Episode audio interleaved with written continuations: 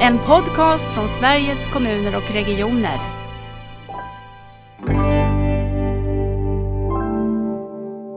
Och om man får svära i kyrkan kanske säga att ja, men vi kanske behöver en projektkyrkogård. För vi behöver nog kunna få misslyckas i vissa av de här projekten.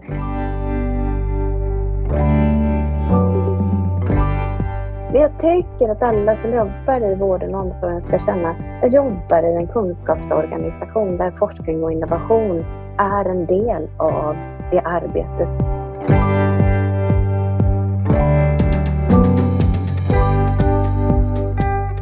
Idag i Nära vårdpodden så ska vi fördjupa oss i life science och hur det hänger samman med nära vård. Och då kan man inte ha en bättre gäst än Jenny Nordborg som är sam regeringens samordnare för life science. Välkommen till Nära vårdpodden Jenny. Tack ska du ha. Hur har du det idag? Och det är härligt aprilväder utanför huset och jag sitter inne i värmen så det är så fint. För du är i Stockholm? Jag är i Stockholm. Jag sitter på mitt kontor på Drottninggatan på regeringskansliet. Ja.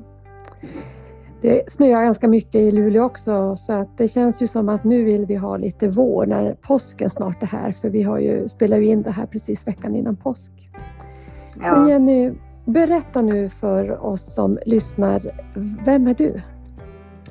Vem är jag? Jag, jag arbetar ju som nationell samordnare för Life Science och leder arbetet på Life Science-kontoret. Eh, och det här har jag gjort i fyra års tid.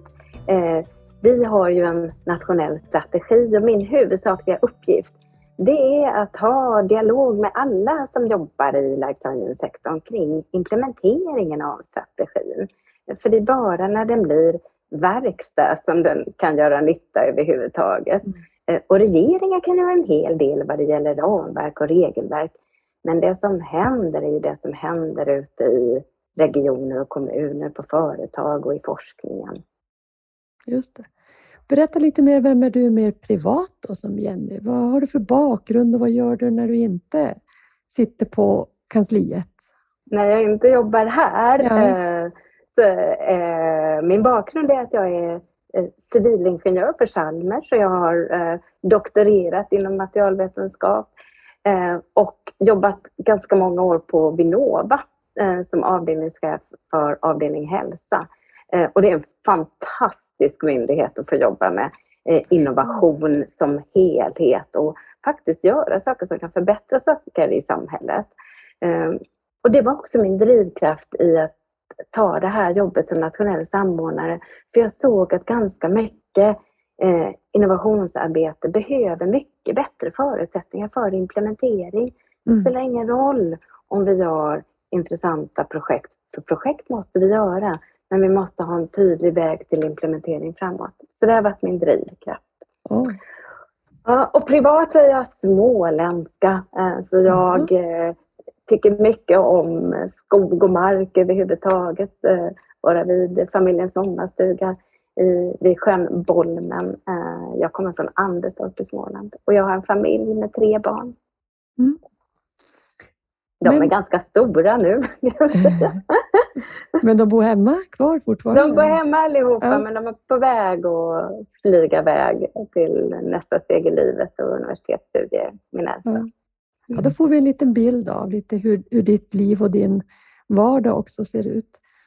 Eh, Jenny, du och jag var på eh, samma konferens den här veckan och möttes lite hastigt så och jag hann höra ditt inledande anförande när du skulle berätta om ditt arbete och hur det går med life science-strategin. Och precis innan så hade jag haft ett eh, ett föredrag och då börjar du med att säga att det här med nära vård, det kanske är lite mer lätt att begripa än vad life science är. Och då, då tänker jag, när, när människor hör life science, vad vill du att de ska tänka på då? Vad är det som ska komma upp i våra tankar och våra huvuden när vi konfronteras med det du jobbar med? Jag vill ju att vi alla, eh, gemene man, ska tänka Eh, life science innebär att jag i både nu och i framtiden kan få en ännu bättre vård och ännu bättre liksom, förutsättningar att förebygga min hälsa. Det vill jag mm. att man ska tänka. Och så vill jag att man ska förstå att det både handlar om läkemedel och medicinteknik eh, som kräver en hel del forskning och innovation. Eh, men det också handlar om eh, vårdens arbetssätt och det var min koppling eh, till nära vård. Och den sista delen jag vill att man ska tänka det är att den här, de här liksom forskande företagen och den här forskningen, den bedrivs här i Sverige. Vi producerar jättemycket läkemedel och medicinteknisk utrustning som hela världen behöver. Och under pandemin, särskilt det första skedet, så blev det här med life science lite mer begripligt för gemene man. För då var det så tydligt att ventilatorer är någonting som vi måste ha för att bedriva eh, intensivvård. Och sådana produceras i Solna. Eh, mm. för hela världens be, eh, behov. Det var, det, det var den ena delen. Och den andra delen är att just det här att förstå en ny, ny sjukdom. Ja, då behöver alla liksom, forskare, vårdpersonal men också patienter komma samman och dela data så att vi kan eh, lära oss nytt snabbt. Och det var ju också en sån där eh, del eh, som jag tänker, då, då blir det mer begripligt. Mm. Men det är ju väldigt olyckligt att använda ett engelskt ord. Ja, men har du tänkt någon svensk översättning? Vad, vad kallar du det på svenska? Vi har ju det svenska livsvetenskaper, men det blir så vetenskapligt. Ja, uh, och uh, för att industrin ska känna igen sig och myndigheternas arbete ska känna igen sig och faktiskt det arbete som bedrivs i, i vården, mm. så använder vi begreppet life science. Så hoppas väl att vi, vi mer ska kunna äga det. Men det är därför jag vill prata nära vård. För nära mm. vård är väldigt avancerat och samtidigt eh, helt tydligt och begripligt. Även om vi säkert har många olika uppfattningar om vad vi, vi vill att en nära vård ska vara. Jo, för jag tycker att jag möter ganska mycket det att och det är så stort och det är svårt att begripa och då tyckte jag det var lite befriande när du sa det där i din inledning. Eh, sen tycker jag att det är spännande de här eh, tre perspektiven egentligen som du tänker att vi, vi som lyssnar ska tänka. Och då tycker jag det är lite extra intressant det du säger om arbetssätten, för det kopplar ju såklart ja. också till nära vård. Men jag kan säga att i, i, när jag tänker life science så tänker jag väldigt mycket naturvetenskap. Men kommer man till arbetssätt så handlar ju det om beteendevetenskap, andra delar av det som måste till för att saker och ting ska gå från eh, gå och bli verkligen verkstad, hända någonting i praktiken, i alla fall i hälso och sjukvård. Hur tänker du på det? Finns det de, de delarna också i life science? Och de är ju, det, du har så rätt för de delarna är ju helt centrala för life science-arbetet idag. Eh, vi kan inte utveckla medicintekniska lösningar om de inte görs i samarbete i vården med både liksom personal och patienter. Eh, för den återkopplingen måste man få mm. hela tiden.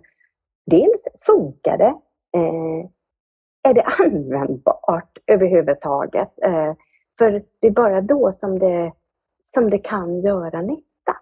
Eh, så det här med arbetssätten ni arbetar med liksom och lyfter fram att använda avancerade beteendevetenskapliga metoder som tjänstedesign är ju jätte, jätteviktigt. Och jag tänker när vi går in i en mer datadriven era överhuvudtaget, då handlar life science om uh, väldigt mycket frågor som har med etik att göra, som har med säkerhet mm. att göra uh, och som har med ekonomi att göra självklart. Mm. Så alla olika typer av uh, kompetenser behövs. Från naturvetenskaplig innovation och forskning till beteendevetenskap eh, för att kunna implementera eh, på ett bättre sätt. Mm. Ehm, och nu nämner jag inte ledarskapet, men det ja, kanske är ändå de absoluta nyckelfrågorna för att vi ska klara den här omställningen på ett ännu effektivare sätt som vi nog behöver göra. Det är ju så intressant när du säger ledarskap, för jag tänker att vi är också i en stor omställning eh, av ledarskapet i hälso och sjukvårds och omsorgssektorn eh, där vi har jätte, jättemycket att lära eh, och lära nytt och vara nyfiken på att vara modig och det hänger ihop med båda våra områden. Men får jag säga Jenny, ni, i strategin som, du ska få berätta lite mer om strategin, men jag vill bara koppla till det du säger att ni har ju, jag vet inte om ni kallar det fokusområden, men åtta områden och när jag läser rubrikerna på de områdena så tänker jag att de rubrikerna skulle ju också kunna vara rubriker på områden för nära vård. Så du får berätta lite om strategin och så får du säga, nämna de där områdena så att också lyssnarna hör.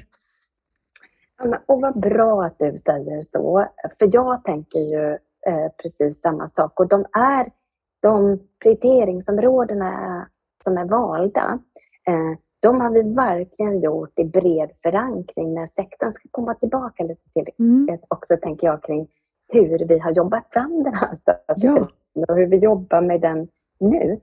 Men om man då ska lyfta de eh, prioriteringsområdena som vi har, det är åtta stycken. De är valda för att här behöver vi se en förändring.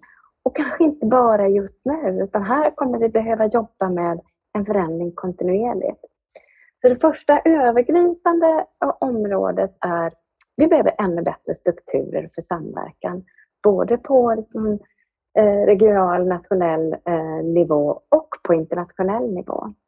Eh, vi behöver jobba med nyttiggörande av hälsa, hälso och vårddata mm. för forskning och innovation och för användning som helhet.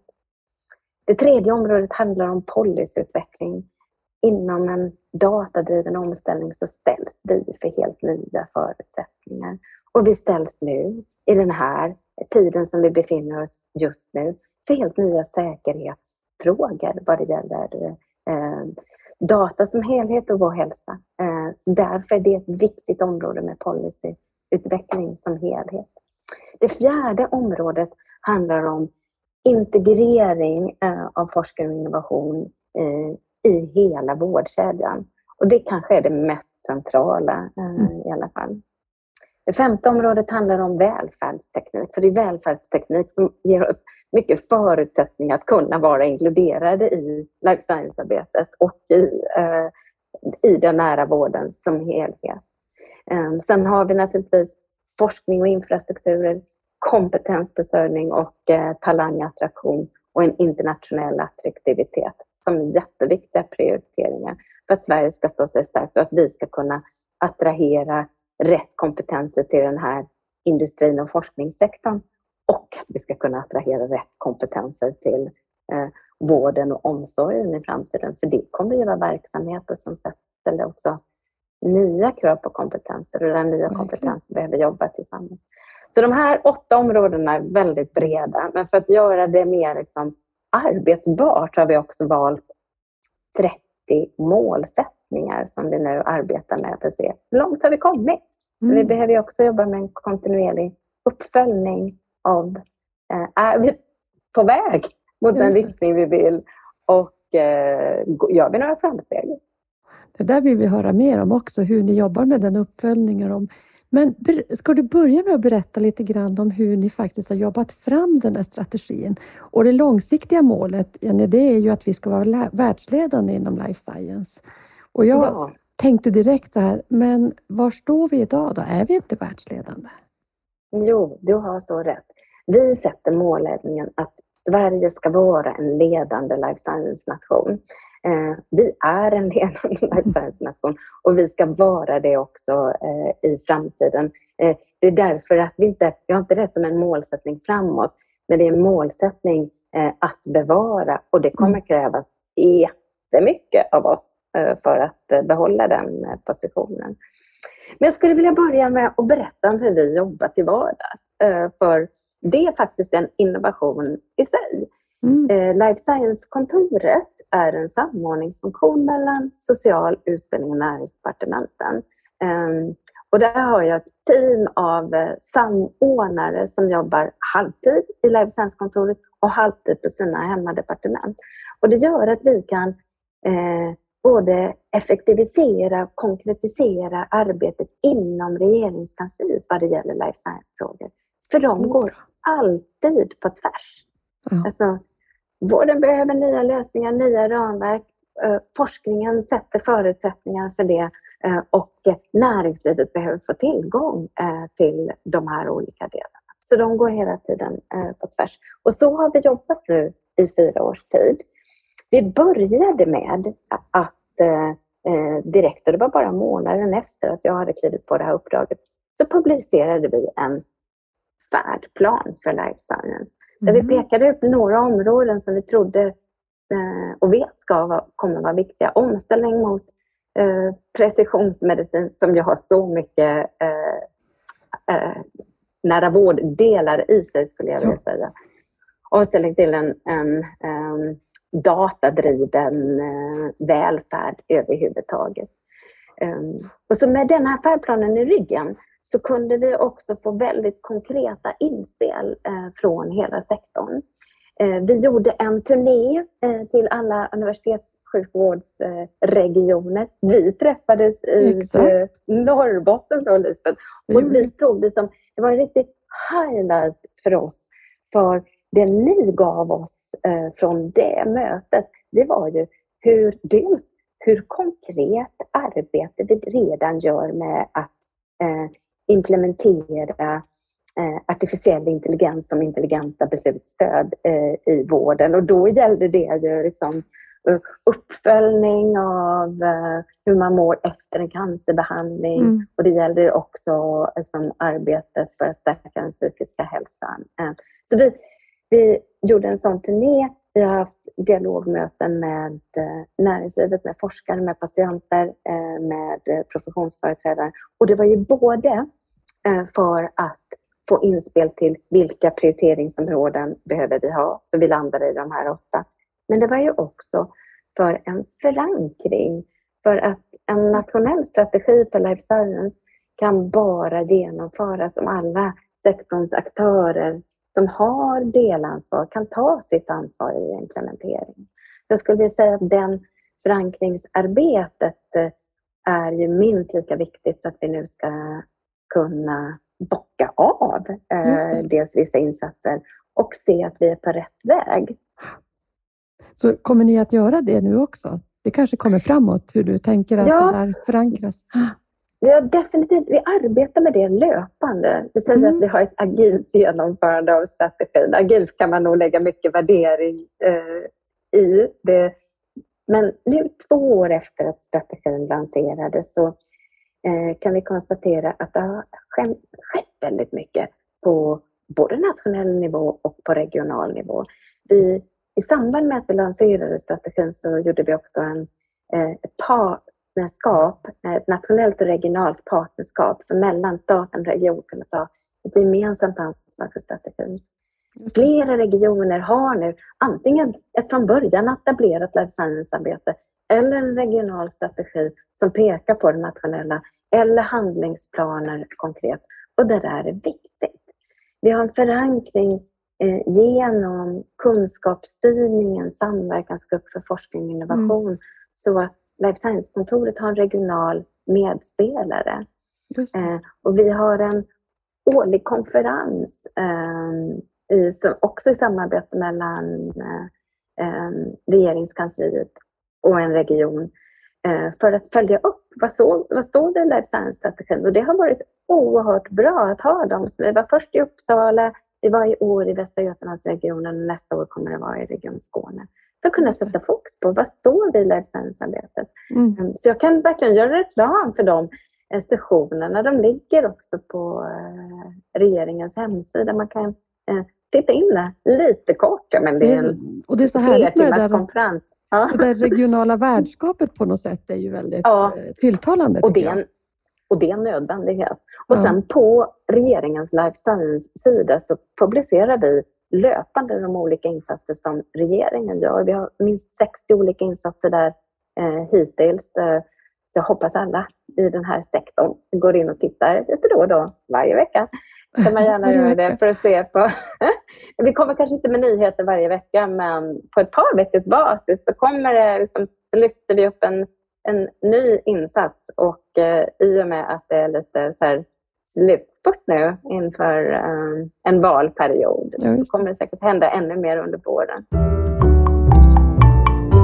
Hur långsiktig är strategin? Jag tänker på, om man tänker på Vision e-hälsa så är det ju 2025 Om man satt ett så tydligt. Hur har man gjort här? vi har inte satt ett datum, utan vi har satt att, eh, att det här är en långsiktighet, det här är ett helhetsgrepp.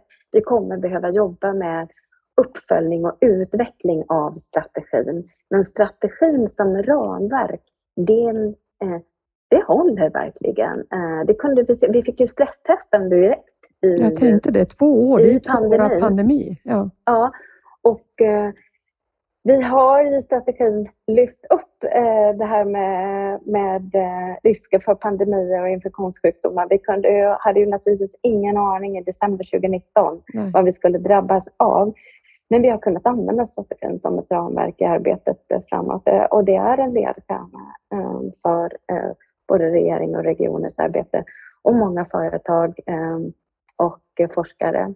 Jag tycker det är utmaningen som och det jag vill att vi kommer in på för en nära vård, det är ju att göra det här liksom ännu mer begripligt för alla som jobbar i hälso och sjukvården och omsorgen och de mm. patienter som berörs. Och då tänker jag att man behöver inte eh, känna att jag jobbar med life science i mitt dagliga arbete. Men jag tycker att alla som jobbar i vården och omsorgen ska känna att jag jobbar i en kunskapsorganisation där forskning och innovation är en del av det arbete som eh, min organisation bedriver. Mm. Det tycker jag att eh, man ska känna som medarbetare. Och det känna stolthet för och känna att det är reellt ja. på något sätt också. Ja, och jag tror inte att alla som har jobbat under covid eh, har tänker på det varje dag, att det är precis det som man gör.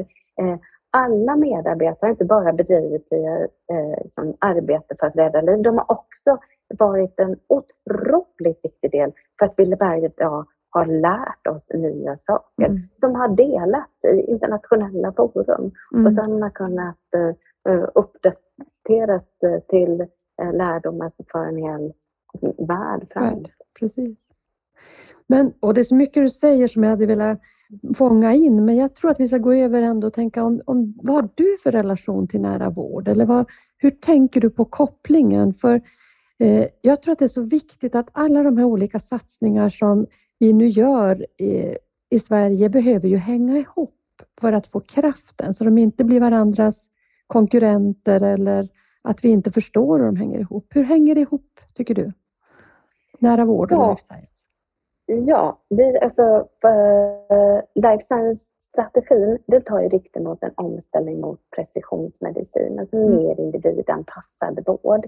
Mm. Uh, och det är knepiga begrepp som jag slänger med mig hela tiden. Det kan bara bli verklighet om vi arbetar i linje med en nära vård. Mm. Eh, en nära vård både vad det gäller den mest avancerade sjukvården mm. och vad det gäller eh, uppföljningen och eh, vården i, liksom, i primärvården och egenvården eh, för, för den delen. Eh, för jag eh, tänker att eh, den nära vården eh, är ju den som skapar förutsättningar för att vi både ska kunna eh, inkludera eh, på ett jämlikt sätt alla patienter som kan vara med i kliniska prövningar för att ta fram nya läkemedel eller för att göra det synligt eh, var man kan få olika vård. Eh, för det är inte så att vi behöver göra samma sak överallt. Tvärtom så behöver vi vara mycket bättre på att växeldra i mm. vården. Att man blir duktig på olika saker på olika ställen. Mm. Eh, men oavsett eh, var vi bor eller befinner oss så ska vi ha tillgång till det som faktiskt är bäst. Just det. Och det är därför som nära vård är liksom, eh, ett så viktigt förhållningssätt. Jag tänker också att precisionsmedicin och det man brukar kalla personalized medicin Förutsättningen är också en personcentrerad vård eller ett personcentrerat förhållningssätt. För vi måste ju ändå nå de, de här personerna om vi också ska kunna jobba med precisionsmedicinerna och eh, ja, personalized medicine som eh, handlar mer om, om biologin och personcentreringen mer om människan ja. eller personen i fråga. Tänker du så? Eh, helt klart så. Och, och eh, då, då tänker jag liksom på eh, både välfärdstekniken, eh, det som kan vara liksom ett bra interface via våra smarta mm. telefoner. Men jag tänker också på några av de eh, fantastiska exempel som ni har lyft upp eh, i podden genom åren. Att vi behöver ju...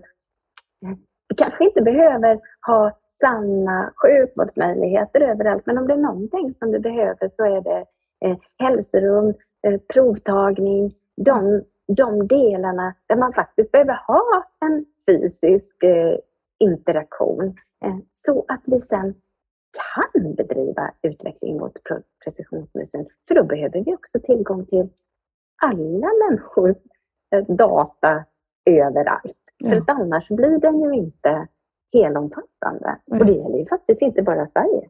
Det gäller ju att vi behöver kunna jobba så eh, internationellt. Kan inte du eh, beskriva också lite grann med precisionsmedicinens eh, bottnar eller grund? Beskriv det. Ja, alltså den precisionsmedicin är ju den Ehm, individanpassade vården i sitt nötskal. Eh, det är när vi både behöver anpassa behandlingsmetoder, läkemedel eh, till eh, den både till hur den individen svarar på behandlingen och hur vi kan använda den individens förutsättningar i framtagandet av läkemedel. Och det gör att vi kan inte ha liksom, produkter i en förpackning eh, som vi kan använda till alla. Utan vi behöver den här typen av, eh, som för cancerbehandlingen, vi vet ju idag att en, en bröstcancer är så väldigt många olika sjukdomar och hur jag mm. svarar på olika behandlingar kan bero lika mycket på liksom, mina personliga förutsättningar som ett mikrobiom. Eh, och då behöver, när man använder immunoterapier, då använder man ju också eh, kroppens eh, gensvar för mm. en immunisering i, av, för att bekämpa sjukdomen till exempel. Så precisionsmedicin är ju både det här med att det är individanpassat på riktigt, både att vi ser till vad behöver du? vad kan du eh, eh, göra och, eh, och, och, hur får vi till det? Men det kan ju också vara på lite mer nivån att man tittar på grupper eh, mm. av, eh, av individer och anpassar eh, till de sakerna. Men det blir väldigt lätt att vi använder läkemedel som exempel, för det är lätt att förstå, för vi pratar mycket om det nu, att det här är framtidens cell och genterapi, det här är framtidens behandlingsmetoder. Men precisionsmedicin är ju precis lika mycket eh, eh individanpassad eh, och internetbaserad KBT till exempel. Eh, det är ju också välfärdsteknik där vi mm. använder data och uppkoppling och på det sättet kan studera inte bara i patientmötet hur jag mår just nu eller hur jag mådde igår när jag ringde, Nej. utan hur jag de facto har mått över den här månaden och hur det har sett ut. Och både jag och kanske min eh, en ansvarig behandlande läkare för min kroniska sjukdom kan få en liten alert att nu har det sett trenden sett lite illa ut här på några veckors tid. Kanske vi behöver göra någonting. Jag tror det är så viktigt det här du säger nu, att just vidga också det begreppet. Att, att, för man kommer väldigt snabbt in på de nya typerna av läkemedel. I alla fall i tanken, det tror jag ja. inte jag är ensam om. Så jag tycker det där är otroligt viktigt och det, på det sättet är ju kopplingen mot den nära vården väldigt, väldigt tydlig. Ja, den är, den, den är ju det helt och hållet. Och, för man kan också helt och hållet flippa det. För väldigt mycket av de avancerade behandlingarna sker ju inte heller på sjukhusen. Mm. Eh, och det är den andra delen av liksom, eh, delen med precisionsmedicin. Eh, det är ju att vi, vi, kan, vi klarar inte av den omställningen om inte det här arbetet också bedrivs i eh, primärvården och i hela vårdkärran och i omsorgen också. För det är där som man möter individerna, det är mm. där som den stora mängden data också genereras. Jag ska och det är där fråga man gör gör den här tidiga upptäckten. Det är för det är det. det som är nyckeln. Eh, precisionsmedicin handlar ju om tidig diagnostik och tidig upptäckt. Då så det blir riktigt eh, verkningsfullt. Kan vi till och med förhindra sjukdomsutbrott mm. för att vi tidigt upptäcker att eh, det inte står riktigt rätt till. Mm. Det är då vi kan göra skillnad på riktigt. Och det för mig in på två spår. Dels så att jag tänkte på hur har ni kopplingen mot eh, den kommunala hälso och sjukvården? För en stor del av den nära vården har ju också ett kommunalt huvudmannaskap. Eh, jag vet att när vi träffades i Norrbotten, i Luleå, när ni var på, på er turné där inför strategiframtagandet, då var vi ju både region och kommunrepresentanter. Men hur jobbar ja. ni mot de kommunala eh, verksamheterna och huvudmännen? Det är en riktig utmaning. Alltså, ja. vi, har ju, vi har ju mycket samarbete då med eh, eh, via eh, regionerna, för det kan inte nå hela vägen upp till kommunerna. Och i, mm. i alla våra eh, då regionala möten så har vi verkligen eh, regionerna att ta med kommunsidan. Och det var det ni gjorde i Norrbotten, men det var mm. också väldigt talande att det var mm. ni som gjorde det. Och man mm. gjorde inte det överallt.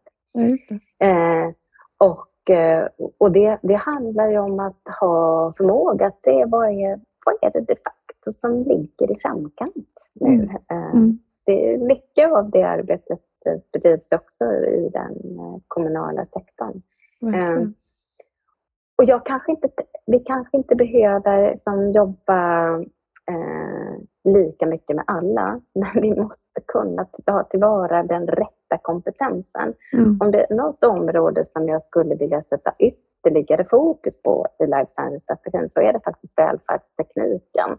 Just den är en sån grundläggande både för liksom, förutsättningar för forskning och innovation och förutsättningar för att nå ut brett eh, med eh, innovativa behandlingsmetoder och arbetssätt eh, till folk i allmänhet. Det är också mm. väldigt eh, påtagligt och begripligt. Där tycker jag vi behöver göra mer. Och det behöver vi nog göra ännu mer ihop med kommun Ja, det tänker jag. För jag, ja. jag tycker det är intressant att ni pratar om välfärdsteknik. Jag kan ibland se att det är som två spår. Några pratar e-hälsa och, och e-hälsoteknik och andra pratar välfärdsteknik. Det blir mycket begrepp känner jag när, jag, när ja. vi pratar, Jenny. Men hur, hur tänker ni där? Eh, för mig är det samma sak. Ja, det är samma sak. Och ni har valt det. Nej, men jag, jag, tror att du har helt rätt. Vi kommer att se stor och stark utveckling och gör det ju redan inom den kommunala kontexten. Sen skulle jag säga att ja. min erfarenhet nu är att du jobbar, ni jobbar, kan jobba via regionerna. Jag ser mer och mer på nära vårdområdet att också de sjukvårdsregionala samarbetena eh, har stärkts upp just kring nära vård och att man också integrerar kommunerna mer och mer i det arbetet. Så att jag tror att det kommer att finnas mer plattformar också där man verkligen når båda huvudmännen, för det blir så tydligt att vi måste jobba så mycket mer integrerat. Och jag tänker att är första del där samverkan som en, en av de här fokusområdena eh, handlar ju om det här. Jag tycker ni, det, jag är väldigt avundsjuk på att ni kan göra det här med tre departement samtidigt. Jag tror att det är så otroligt starkt och bra. Är ni ensamma om det? Finns det andra strategier eh, inom regeringskansliet där man jobbar på samma sätt? Eller? Nej, vi är ensamma om det här arbetssättet här, men vi har en förebild från det liksom, brittiska life science-kontoret. De har också den här eh, samma typ av samorganisering. För det är ju också ett, eh, ett eh, land som har hälso och sjukvården väldigt högt. De har ju dessutom ett statligt system för hälso och sjukvården så det är lite enklare. Men där den här industrin är så beroende av eh, att det hänger ihop. Och för både Sverige och Storbritannien så är life science-industrin en jättestor del av mm. Eh, vår produktion och framförallt av vår export. Eh, för den är så stor värdeskapande. Det, det, I Danmark arbetar man också eh, med lite liknande arbetssätt, men det och Storbritannien som har det här tvärs tre departement. Mm. jag tänkte bara en sak till med välfärdstekniken, för det som inte är e-hälsan, som är en så otroligt viktig del av välfärdstekniken, som man kanske inte tänker som en del av e-hälsan, det är ju alla de hjälpmedel som vi behöver. Mm. Och snacka om precisionsmedicin, för vi behöver mm. mycket individanpassade hjälpmedel. Särskilt när vi har en allt mer åldrad befolkning. Mm. mm.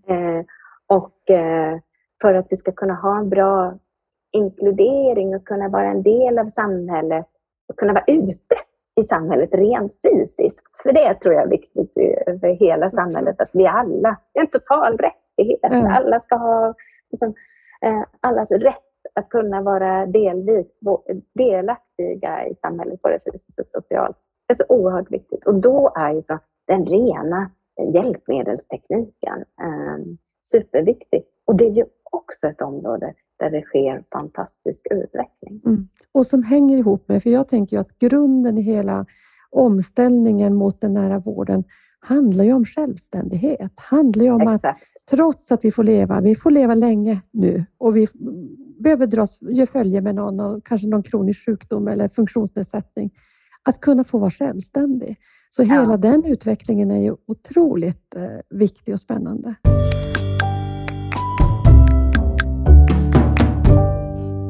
Ett annat område som jag tänker att du är inne på kring precisionsmedicin, det är ju egentligen det datadrivna och befolkningens hälsa.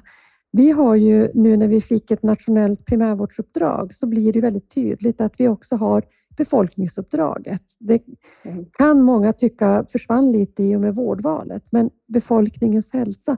Hur ser du utvecklingen där vad gäller datadriven eh, kunskap och datadriven information som kan hjälpa oss i, i det arbetet? Och det här som jag tror att den stora förändringen kommer att komma för att den, alltså, äh, all teknik genererar också en mängd data. Äh, om när vi har förmåga att ta tillvara på den på mm. säkra eh, sätt, men på användbara sätt, ja, det är då vi kan göra skillnad på riktigt. Och jag tror att förväntningarna från eh, liksom alla i samhället är egentligen mycket större än vad vi redan gör idag. Så jag tror att, eh, och det är lite oavsett ålder faktiskt, alltså, eh, vi behöver kunna ta tillvara nyttiggöra eh, all den hälsodata vi har för forskning och innovation så att vi kan ta fram nya metoder och nya tekniker som gör saker och ting mycket enklare. Alltså det som, när man tar bort friktion i folks vardag, då händer saker och ting snabbt. Vi såg det i pandemin, användandet av eh, nya digitala lösningar. De ersätter inte de fysiska, men de blir ett självklart första steg för väldigt, väldigt många. Ja. Och allt det genererar data eh, och för det behöver vi liksom där behöver vi ett strategiskt nationellt förhållningssätt, helt mm. klart. Jag tror mm. att vi bara är i början på det arbetet. Mm. Ja, det är mycket spännande vi har eh, att se fram emot. Jag tänker två frågor vill jag hinna med som kopplar också till den nära vården. Det ena är forskningen. Eh, jag skulle vilja lite grann höra hur du ser, vad är de nya forskningsmiljöerna? Hur får vi det här som du sa, att alla ska känna att de är en del av den här utvecklingen och forskningen i sitt yrkesutövande, den här stoltheten. Vad behöver ske inom forskningsfältet som kopplar samman nära vård och life science, tänker du? Ja, det, det ena som jag äh, ser som kopplat till det eh, har väldigt mycket med organisation och ledarskap att göra. Att eh, liksom, ledarskapet för vårdens alla organisationer pratar att vi arbetar i en forskande miljö. Vi behöver inte mm. alla vara del av det, men det är det vi gör. Det skapar en, en, en stolthet av att ligga i framkant. Men då behöver det också gör, finnas förutsättningar för de som vill bedriva forskning att göra det också i uh, alla de miljöerna. Absolut. Uh, och en av de stora insatserna som regeringen har gjort under den här mandatperioden är att stärka uh, finansieringen till uh, forskning och innovation för hälsa, välfärd och life science med en halv miljard per år. Mm. och där har till exempel Vetenskapsrådet ett särskilt uppdrag att stödja forskning i primärvården. Mm. Vinnova har i sitt uppdrag med precisionsmedicin särskilt uppdrag att sätta fokus på välfärdsteknik. Så det är två sådana delar. Men jag tror att vi behöver se ännu mer till eh, att kunna attrahera talanger i hela vårdkedjan eh, mm. för att jobba med forskning och utveckling och göra det mindre svårt, mindre eh, komplicerat och faktiskt mer premierat. Mm. Vi jobbar precis tillsammans också med lärosäten och, och regioner och kommuner och, och de som är forskningschefer och annat just med att fundera på vad är det för infrastruktur, vad är det för hinder som måste röjas för att vi ska få en större bas av forskning i både primärvård, både såväl kommunal som regional, eller, och forskning både i och om den nära vården. För det finns ju också någonting, du var inne på något i början som jag också skulle vilja bara hinna prata lite om och det var implementering. Du sa någonting som lite var befriande för mig, för du sa vi behöver projekten. Jag tänker kvalitetsarbete har ju alltid handlat om att våga testa i liten skala, våga misslyckas. Det är okej okay att misslyckas och vi inte säger att vi, det kan vi inte göra framåt. Jag tror att, för det, de tonerna kan jag också höra, vi vill inte ha en projektkyrkogård och det vill vi inte. Men vi vill också se till att vi kan testa i mindre skala och sen också kunna implementera och skala upp. Och det där är svåra frågor. Därför att jag tänker också att när man ska göra komplexa förändringar så behöver man också äga dem mycket själv, för det är ett lärande i själva resan. Hur tänker du kring implementering och storskalig spridning och så? Eh, vad har ni för strategier där i, som du vill dela med dig av till alla oss nära vårdare? Ja, alltså dels det att vi har alltså, en sån tydlig målsättning om och ett sånt starkt prioriteringsområde att forskning och innovation behöver vara en del av hela vårdens vardag. Eh, I praktiken så behöver det här ju då genomföras i projektform. Det är så vi utvecklar och förändrar eh, mm. vårt eh, samhälle. Ehm, och, så det är därför som jag vill lyfta upp det. För vi, visst har vi en projekttrötthet, men det betyder ju inte att vi inte ska projektifiera vårt förändringsarbete. För det mm. måste vi göra, precis som du säger. Testa i liten skala, eh, få det att skala. Det måste finnas ett ägarskap då från ledningen. Det här är inget vid mm. sidan av. Det här är någonting som vi gör vid sidan av. Eh, det här är inget vi gör vid sidan av. Det här gör vi mitt i. Och lyckas vi, då tänker vi satsa på det. Vi tänker eh, som dela med oss mellan eh, andra regioner och kommuner. Och där tror jag att vi har ett stort arbete att göra i Sverige. Mm. Faktiskt mellan regioner och kommuner. Lära ännu mer effektivt av varandra och se mer hur implementerar vi det här direkt utan att behöva göra det så mycket till vårt. Mm. För jag tycker nog att vi jobbar en, fortfarande en hel del eh, parallellt med utveckling och det behöver vi se ännu mer till effektivisering av eh, implementering. Det mm. skulle jag gärna sätta ett ännu större fokus på i nationellt och regionalt partnerskap eh, framgent. Och, och, är inte det lite av det vi var inne på, det här nya ledarskapet, managementet, att ja, men det är det här det handlar om i en sån här expansiv och viktig sektor. Att det finns, ja vi menar allvar, vi vill göra någonting med det här om det blir bra och vi tar ett ansvar för att det här också blir någonting som vi delar med oss av till andra. Såväl en forskningsinfrastruktur som nästan en implementerings eller sån infrastruktur behöver vi nog bygga mer, tänker jag när jag hör dig. Och också ja. definiera ledarskapets roll i det här. Verkligen. Och att följa upp. Mm. Hur gick det? Alltså att det finns ett ledarskap som jobbar effektivt med uppföljning på, på alla nivåer. Och om man får svära i kyrkan kanske säga att ja, men vi kanske behöver en projektkyrkogård. Mm. För vi behöver nog kunna få misslyckas i vissa av de här projekten. Men det vi inte vill se på den där kyrkogården är lyckade projekt Nej. som det ändå inte blev något av. Eh, för misslyckandet måste få finnas. Eh, för annars så vågar vi aldrig eh, utmana oss. Men det som lyckas, där ska det finnas ett eh, nödvändigt ägarskap eh, för implementeringen. Och jag tänker att det är inom den här sektorn som de riktigt spännande arbetsuppgifterna finns i framtiden oavsett eh, om man alltså, om man vill jobba, jobba omvårdnadsnära eller mm. om man är liksom dataingenjör och vill göra mm. de mest avancerade grejerna. Jag säger till mina ungdomar som är inne på det spåret, det är ju verkligen, de säger jag ska inte jobba med life science och tycker de då, liksom, ja, som äh, mamma gör. Men jag säger det, det är inom den här sektorn som datan finns äh, och det här ni kan göra störst skillnad för samhället. Så mm. det kommer finnas väldigt många spännande möjligheter. Ja, det låter ju otroligt. Alltså, du ser Jenny, vi skulle kunna prata, jag tror faktiskt en timme till minst. Men nu ska vi börja avrunda och du ska få vår Nära vården poddfråga och det är vad är nära för dig? Nära för mig är, och då går jag till mig själv, det blir väldigt personligt, det är någonting som betyder mycket för mig och som gör skillnad för mig i min vardag. Det är riktigt, riktigt nära.